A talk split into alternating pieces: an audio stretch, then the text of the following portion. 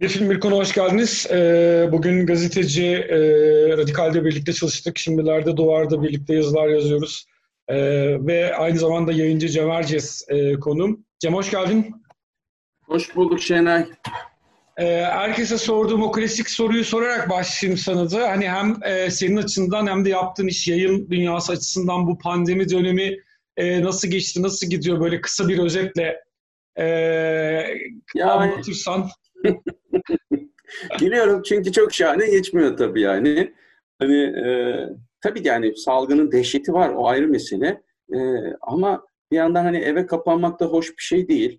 E, ben hani kendi adıma çok sıkıldığımı artık söyleyebilirim. Keşke bu işin sonu ucu görünse ama daha epeyce bir süre böyle yarım yamalak bir sosyallik ve ondan sonra e, eve kapanmış e, dijital e, toplantılar yaparak bu video toplantılarını ve şu anda yaptığımıza benzer yayınları devam edecek gözüküyor. Bundan pek memnun değilim. Bir faydasını da görmüyorum. Ee, yani oturup da e, yıllardır planını kurdum, romanımı bitirdim falan gibi bir şey de anlatamayacağım yani doğrusu söylemek gerekirse. Bir de sen tabii sen... konuşacak olursak sen çok okazyon insanıydın yani böyle hani işte hani sergiler açılsın, kitapların tanıtımları olsun falan hani oralarda insanlarla, arkadaşlarınla, bence, tanıdıklarla sohbetler tabii. etmeyi falan çok sev- seversin. tabii. Ya bence evet kültür sanat gazeteciliğinin böyle bir yanı var. Bence bütün gazetecilik mesleği böyle bir şey. Biz onun içinde büyüdüğümüz için e, onun kendine has bir sosyalliği var ve o senin artık hayatını belirliyor, e, temponu belirliyor. Birdenbire onlar da ortadan tabii kalktı. Ee, ben şu anda aktif gazetecilik yapıyor sayılmam. İşte gazete duvarda yazı yazıyorum. Senin demin söylediğin gibi. İşte Hürriyet Sanat'a yazıyorum. Hürriyet Kitap Sanat'a yazıyorum. Ee, böyle yazı yazarak sürdürüyorum ama aktif gazetecilik yapanlar için bence daha da zor. Ama neyse onu gazeteciler anlatıyordur sana. Sen bana yayıncılığı sordun. Onu anlatayım ben birazcık. Yayıncılık sanıyorum bu kültür endüstrisinin içerisinde e, pandemiden en az etkilenen alan kitaplar oldu diyebilirim. E, çünkü e, kitap okumak bireysel bir şey ve e, tüm diğer sanat e, dallarının aksine e, tamam tek başına yapıyorsun, evinde yapıyorsun zaten. O nedenle biz e, hala okuyucularımız e, önemli oranda yerinde duruyor. E, yayıncılık dünyası yürüyor. İnsanlar işte yazdıkları kitapları okurlarıyla e, çekinmeden, korkmadan hatta daha büyük bir şevkle bazısı buluşturuyor ve yazmaya devam ediyorlar. Yani bütün e, şey e, yayıncılık e, işler vaziyette. Tabii şöyle bir şey var ama şunu da söylemek zorundayım yani. Şöyle bir şey var. eskisi gibi değil. Yani biraz yayıncılık dünyasının da ağzının tadı kaçmış durumda. Hani diyelim ki evet. 2019 yılına göre 2020 yılı daha kötü geçti. bu en çok bu çok garip bir şey söyleyeyim. Şimdi konuşurken aklıma geldi. Bu en çok çok satan yazarlarla çok az satan yazarları etkiledi bu durum. Hmm. Şöyle ki çok satan yazarlar e, o çok büyük rakamlara şimdi pandemi koşullarında ulaşamayacaklarını düşünüp bazen kitaplarını ertelediler, erteleyebildikleri kadar. E, ama şimdi pandeminin de kolay kolay geçmeyeceğini gördükleri için birbiri ardında çıkartıyorlar. E, fakat bu arada kitapçılar e, zor duruma girdikleri için internet kitapçıları da tam e, talebi karşılayamadıkları için sistem az satan, çok fazla okuru olmayan e, edebiyatçıların aleyhine işlemeye başladı. Hmm. Onların kitaplarını basan yayıncılar, küçük yayıncılar daha fazla zora gider. Kitapçılar daha e, bu tür kitapları az rafına koymak isteyen oldu. İnternet satıcıları bunları stoklarında bulundurmak istemez bir hale geldi ve yani okuru az olan eserlerin e, e, şeyi hayatı biraz daha zorlaştı pandemide diye bir şeyler özetlemeye çalışayım. Peki o zaman filme geçelim. Bu bölümü de şöyle girmeye çalışıyorum. Ben hani e, hangi filmi niye seçtin? Ne konuşarak Hı-hı. başlayalım. Ee, hani gerçi hani bu videoyu açtığında e, izleyiciler hangi filmi seçtiğini biliyor olacaklar ama neden o film diye başlayalım. Neden Amadeus? Sen sorunca ben aklıma geldi. Çünkü ben hep en sevdiğim film Amadeus diye bir şey var kafamda laf. Tabii yani bu çok iddialı bir şey. O kadar çok şey seyrediyoruz ki yani insan farklı yaşlarda farklı filmlerden farklı sebeplerle etkileniyorsun. Romanlardan, müziklerden. Ama Amadeus benim e, kişiliğimin şekillendiği yıllarda izlediğim bir filmdi. Yani delikanlılık çağında iz bırakmış bir film. Tam Ve hani gerçek zamanlı mı izledin? Yani hani biz vizyonu Vizyonda izlemiştim. Evet. Yani film 84 tarihli. E, 84'te olmuş olamaz. O zamanlar vizyon Türkiye'de daha geçti. 2-3 sene tehirli oynardı filmler. Muhtemelen bakmadım doğrusu onu belli doğrusu 86'da 87'de filan girmiştir bu film gösterime. Yani ben ya ortaokuldaydım ya lisenin başındaydım e, filmi seyrettiğimde. E, öyle olması lazım. Yani lise başları gibi. E, dolayısıyla e, tam da böyle biz işte İzmir'de kültür sanattan e, meraklı işte bir şeyler öğrenmeye çalışan bir grup genç insanız.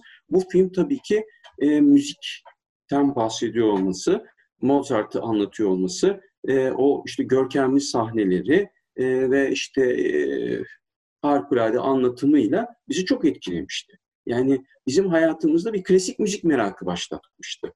E, bu bence çok e, önemli ve değerli bir şey. Aslında e, Amadeus'u öncelikle bunun için sana söyledim. Ama şunu da söylemek istiyorum. Miloš Forman'ın da konuşmak istediğim bir isim olduğunu belirtmek istiyorum. Çünkü hani aslında çok filmi var ama üç filmiyle çok e, tanınan, sevilen bir yönetmen. E, Guguk Kuşu'nu değil ama ben Hayer'ı da çok önemsiyorum. O da beni çok etkilemiş bir başka filmi. Mesela onu daha da küçüktüm seyrettiğimde. E, aslında e, yani onun anlattığı dünya daha iyice ortaokulun başlarındaydım. O filmi seyrettiğimi çok iyi hatırlıyorum. Ne zaman ve nerede seyrettiğimi. Amadeus'tan daha iyi hatırlıyorum mesela. Beni çok etkilemişti o filmde. Bambaşka bir hayat, bambaşka dünyalar olduğunu göstermişti. Bir, müzik, bir film rock müzikle e, ünsiyetimi kurdu. Diğer film klasik müzikle ilişkimi kurdu. E, ve hani benim deli olduklarını düşünüyorum. Miloš Forman'ın bu iki filminin. Tabii. Bir de Amadeus'un ben şimdi tabii e, programdan önce oturum bir kere daha izledim. E, şimdi her deneyim başka muhtemelen 15-20 yıldır falan izlememiştim yani. E, e, hikayeyi e, tarihsel olarak kötü bilinen adamın gözünden anlatmayı tercih etmesi ki bir oyundan uyarlama zaten aslında. Yani hani Peter evet. Shaffer'ın oyunundan uyarlama. Evet Peter Shaffer'ın yani oyunu. Onun da hani aslında Salieri'nin gözünden hikayeyi anlatması ve onun kötücüllüğünden de hiç esirgenmeden yani ne kadar kötü bir şeyini biraz hani hemen değil belki ama bir noktada şeyi de konuşabiliriz gibi yani mesela bu bugünlerde çok tanık ol, biz sen de ben yıllardır kültür sanat gazetecisi olduğumuz için kamuoyuna çok yansımayan ama bu sanatçıların birbirlerine karşı his ve duyguları... Eser ve şahsiyet meselesine girmek kulis istiyorsun ki bu konulara asla girmem. kulis olarak biliriz mesela bunları. Hani yazamayız da falan hani bunları böyle okur, izleyici bilmez ama Hani biz kültür sanat gazetecileri bu kulislerimizde sürekli bunlar dolunur. Bir an onlar da geldi. Yani bu hani o dönemden itibaren başlayan bir tür işte rekabet, hayranlıkla beraber e, ne derler kıskançlık falan hani bir taraftan da çok hayran. Tabii. Yani. Tabii tabii. Bu kısmı yani film zaten o yüzden belki de bu kadar kuvvetli. Yani ben filmi tekrar seyrettiğimde yine senin gibi yıllar sonra hani müziklerden o kadar etkilenmedim. Ee, ve ilk başta etkilediği kadar. Bu sandığım kadar kuvvetli değilmiş mesela filmde müzik. Öyle kalmış benim aklıma. Ama bu e, şey e, Salieri Mozart çatışması oradaki o hasetlik, habislik ve oradan ürettiği e, şey filmin enerji, çatışma çok kuvvetli ve gerçekten de çok aynı zamanda da ilham verici tabii gerçek hayat hakkında. Yani Salieri çok ilginç bir karakter yaratmış. Murray Abraham da çok iyi oynamış onu besbelli ki. İşte İtalyan besteci, e, şeyde Avusturya, e, Macaristan e, imparatoru için çalışan. E, yani ona da inanıyorsun. Bence Salieri'nin kötücülüğünde de bir, sen, sende empati uyandıran bir şey var. Onu anlamamızı sağlıyor film. Ne anlıyoruz? Müziği çok seviyor bir kere. Bir tane berbat bir babası var. Babası boğazına balık kılçığı kaçıp öldüğünde seviniyor. Böyle bir, bir mucizeydi diye anlatıyor. Mesela biraz gülüyorsun o filmin hafif ironik yanlarından biri. Müziği çok seviyor. Müziği Tanrı'ya ulaşmanın bir aracı olarak görüyor kendisini olabildiğince hani Tanrı'nın sesini ona hizmet etmek için müzik yaptığına inandırmış. E, fakat Mozart'la karşılaştığında müthiş bir hayal kırıklığına uğruyor. Çünkü kendisinden çok daha yetenekli birisi var Ve Tanrı bütün o yetenekleri ona vermiş. Bunu büyük bir haksızlık olduğunu düşünüyor. Çünkü Mozart e, böyle uçarı, uçuk, kaçık ondan sonra e, son derece hani gayri ciddi bir adam Salieri'ye göre. Ama Salieri'nin Mozart'ın müziğine duyduğu hayranlığı hiçbir zaman gidememesi en azından e, artık günah çıkartırken rahibe hayatının son yıllarında bunu açıkça ifade etmesi e, Mozart'tan neden nefret ettiğini e, gayet iyi anlamamızı da sağlıyor doğrusu. O yüzden çok yani kuvvetli bir oyun, kuvvetli bir senaryo. Böyle evet. o, şu sıralarda oynuyordu. Yani pandemiden az önce Türkiye'de yine oynuyordu Amadeus. Evet evet. Ee, sanırım Okan Bayülgen ve Selçuk Yöntem Galiba. galiba. Tam hatırlamıyorum Evet, evet ikisi oynuyor. Şeyde Şu anda yani. tekrarda da gördüm galiba. Yani yeniden sahnelenmeye başlamış olabilir. Bir de yani e, şey kısmı da çok güçlü. Yani o dönemin e, şeyine e, hani sanatın tanrısallığı, tanrı ile ilişkisi, ilahi tarafı evet. mevzusunu da çok iyi şey yapıyor ve hani aslında Salieri'nin öyle hani Tanrı'nın kendisini terk ettiğini önce düşünmesi. Yani çok o, güzel. Doğru, yani doğru, e, dolayısıyla evet yani dolayısıyla hani Mozart'ta Tanrı'nın suretini görmeye başlaması ve zaten ondan nefret ettikçe Tanrı'dan da nefret etmeye başlaması o rahiple muhabbetleri evet, falan filan evet, çok evet. iyi yedirilmiş ve hani o işte sanatın, müziğin ilahi e, tarafına dair e, hayal kırıklığının giderek onun o onu dünyevi şey, e, ne derler ruhani bir yerden çok dünyevi bir yere doğru getiriyor adım adım film. Mesela o bakımdan doğru. da çok, çok güçlü bir şey var. Hani çok dünyevi bir şey aslında bu demeye getiriyor bir noktada. Hiç yani onun hayal kırıklığıyla beraber biz de şeyi önlüyoruz. Çünkü Mozart'ı da bir pop yıldızı gibi kurmuş. Yani aslında evet. çağın pop ikonu bir taraftan da. Tabii çok meşhur. Ee, herkes onu, onu görmek istiyor, onu dinlemek istiyor. Evet öyle bir yanı var. Filmde tabii böyle ufak ufak şeyler var. Mesela İmparator, e, ikinci Joseph. İmparator II. Joseph de çok enteresan bir kişi. Aslında müzikten çok anlamadığını ama döneminin bir e, entelektüel faaliyeti olarak müziğe, müzikle çok ilgilendiğini bize hissettiriyor film zaten. Zaten de II. Joseph de döneminin o aydınlanmış monarklarından birisi. İşte bir e, Rusça'da Katerina var, burada işte II. Joseph var. E, Almanya'da Leopold galiba yanlış hatırlamıyorsam imparator. Bunlar böyle e, sanata, e, efendime söyleyeyim işte resme, müziğe, e, bilime, akla önem veren monarklar. Şimdi dolayısıyla Joseph'in e, Mozart'ta Almanca opera yaptırmaya çalışmasının altında da bunların ipuçlarını görebiliyoruz. O aydınlanmacı, o zamanki romantik düşünce bir süre sonra daha hani bir yüzyıl var daha belki ama biraz daha ulusalcı, milliyetçi düşüncelere doğru evrilecek. Bunların ipuçları var. Sarayda hep İtalyanlar var. İtalyanca opera yapılıyor. Ama o yani hem o şeyi kırmaya çalışıyor biraz etrafındaki, onun da farkında. Hem de böyle Almanca beste yaptırayım ve hani farklı bir şey e, yapayım, kendi düşüncesine, dünyasına yönelik e, bir hamle yapmaya çalışıyor. O ilişkileri görmemizi sağlıyor. Bir yandan da şey de var tabii. O dönem müzik nasıl yapılıyor? Yani besteciler nasıl geçimlerini sağlıyorlar? E, kimin için beste yapıyorlar? Şimdi şurada çok önemli bir şey var. Bir, saray besteciliği var. Yani imparatora beste yapıyorsun. E, ondan, e, onun tarafından onaylanıyorsun ve bunun üstüne sana e, şeyler geliyor, öğrenciler geliyor. Öğrenciler de hep aristokrasiye dahiller tabii ki. Aristokratların e, genç kızları gibi filmde daha çok görüyoruz. Onlara filmlerini sağlıyor daha çok besteciler. Fakat bir yandan Mozart çok fazla onaylanmadığında hani sarayda düşmanları var bir türlü orada varlık gösteremiyor. İşte Salieri sürekli onun ayağını kaydırıyor. İşte Don Giovanni sadece altı temsil ediliyor. Ondan sonra kaldırılıyor. Bir halk operasında kendini buluyor. E, halk operası diye bir şey var. Viyana'da aynı zamanda. E, ve orada Mozart'ın e, Sihirli Flüt operasını besteleyip sahnelediği bir bölüm var ki çok eğlenceli. Yani e, o halk operasında sahnelenen e, şarkılar, tiyatro gösteriler, ardından Sihirli Flüt'ün orada sahnelenmesi, o süreçte enteresan ve bambaşka bir dünya olduğunu bize gösteriyor. Ben mesela onu o zaman seyrettiğimi şaşırmıştım. Hala da e, bence filmin en ilginç sahneleri bunlarmış gibi gelir. Evet bir de yani e, görsel olarak da şeye hayranlık duyuyorsun tabii. Şimdi 1984 yapımı muhtemelen çekimi 82-83 e, hani büyük sahneler, dijital şey yok. O tasarımın, o eski usul sinemanın tasarımındaki emek, kostümler, mekanlar değil mi? Zeka, gör, hani çünkü hani e, bilgisayar ekranında tasarlayıp yanlış giden bir şey çıkarabildiğin bir şey değil. Yani en baştan bir kere eline tasarlıyorsun ve onu çekiyorsun. Ama hani o kadar muhteşem bir şey ki ben bu eski tür epik tarzı olan böyle kalabalık sahneli şeyleri izlediğimde oradaki emeğe çok büyük hayranlık duyuyorum her defasında.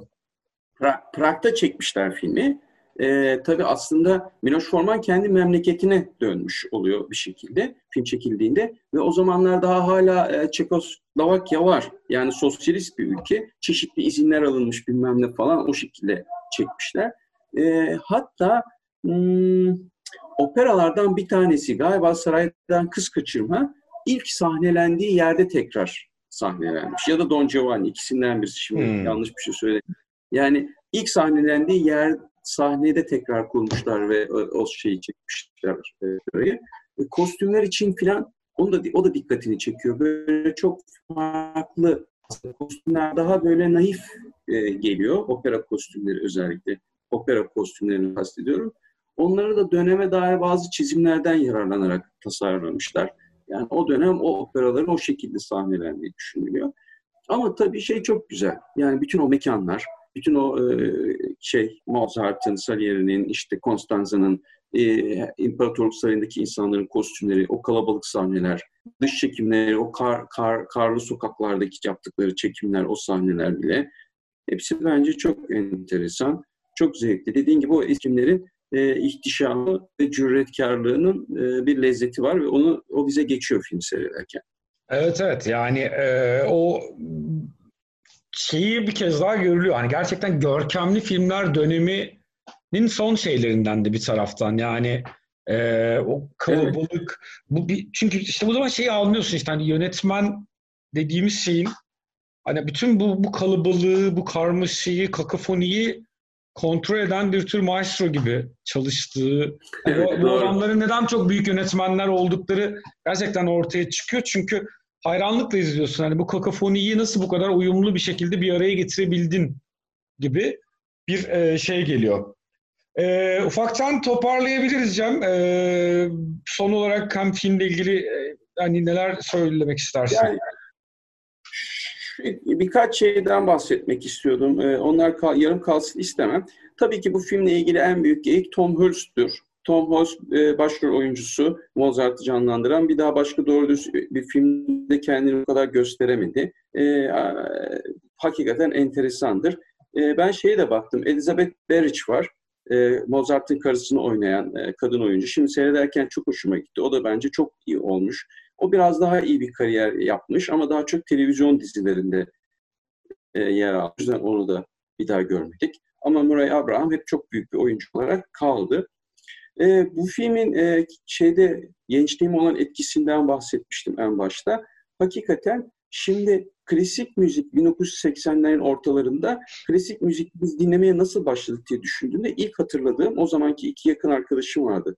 Tan Erdem ve Tutkun Kazanoğlu. Tan bize bir kaset getirmişti. Kasetin üzerinde banka müzikleri yazıyordu. Çünkü o dönem klasik müzik evet televizyondaki banka reklamlarının vazgeçilmez müziğiydi. Şimdi tabii ki bambaşka yani e, klasik müziğe bakışta, bankaya bakışta ve banka müzikleri adlı bu kaset benim ilk klasik müzik kasetimdi. Sonra ikinci e, kasetlerimse, kasetlerim diyorum çünkü bu Amadeus'un soundtrack'i e, yanlış hatırlamıyorsam 3 kasetten ya da plaktan oluşuyor galiba. Şimdi kontrol ettim 3 plaklık. Bizde 3 kasetti. Volüm 1, 2, 3 diye giderdi. E, onları Tutkun hazırlamıştı. Güzel resimler bilmem ne çizerek o kasetleri çoğaltmıştı. Hepimiz oradan dinliyorduk. Onları da, e, o da enteresan, Neville Mariner yönetiminde St. Martin in the Fields Orkestrası seslendirmiş. Bu mesela TRT 3 radyosu dinleyenlerin çok iyi bildiği bir anonstur. Sir Martin e, e, yönetiminde St. Martin in the Fields Orkestrası seslendiriyor e, sözü. Çünkü bu İngiliz orkestra ve İngiliz şef dünyada en çok kayıt yapan e, şef olarak biliniyor. E, şeyin de Amadeus'un da bütün müziklerini hemen anlaşmışlar daha e, projenin en başında.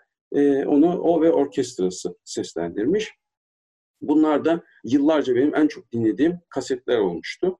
Ve hani Mozart'ın e, en meşhur e, bütün e, opera parçaları, işte küçük konçerto parçaları, suitleri bu filmin içerisinde geçer.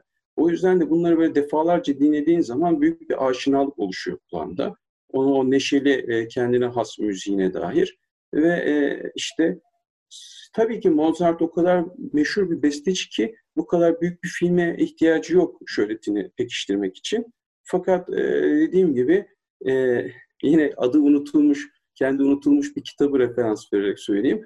Dostum Mozart e, mevzusu da benim için bu filmle başlamış oldu. Hala da çok severek dinliyorum. Tabii o e, kasetlerde ne bileyim ben 1980'lerde e, İzmir'de bile klasik müzikle ilişkimiz nasıl e, böyle e, çocuksu düzeydeydi onu göstermek için hala hatırımda duruyorlar diye lafı bağlayayım.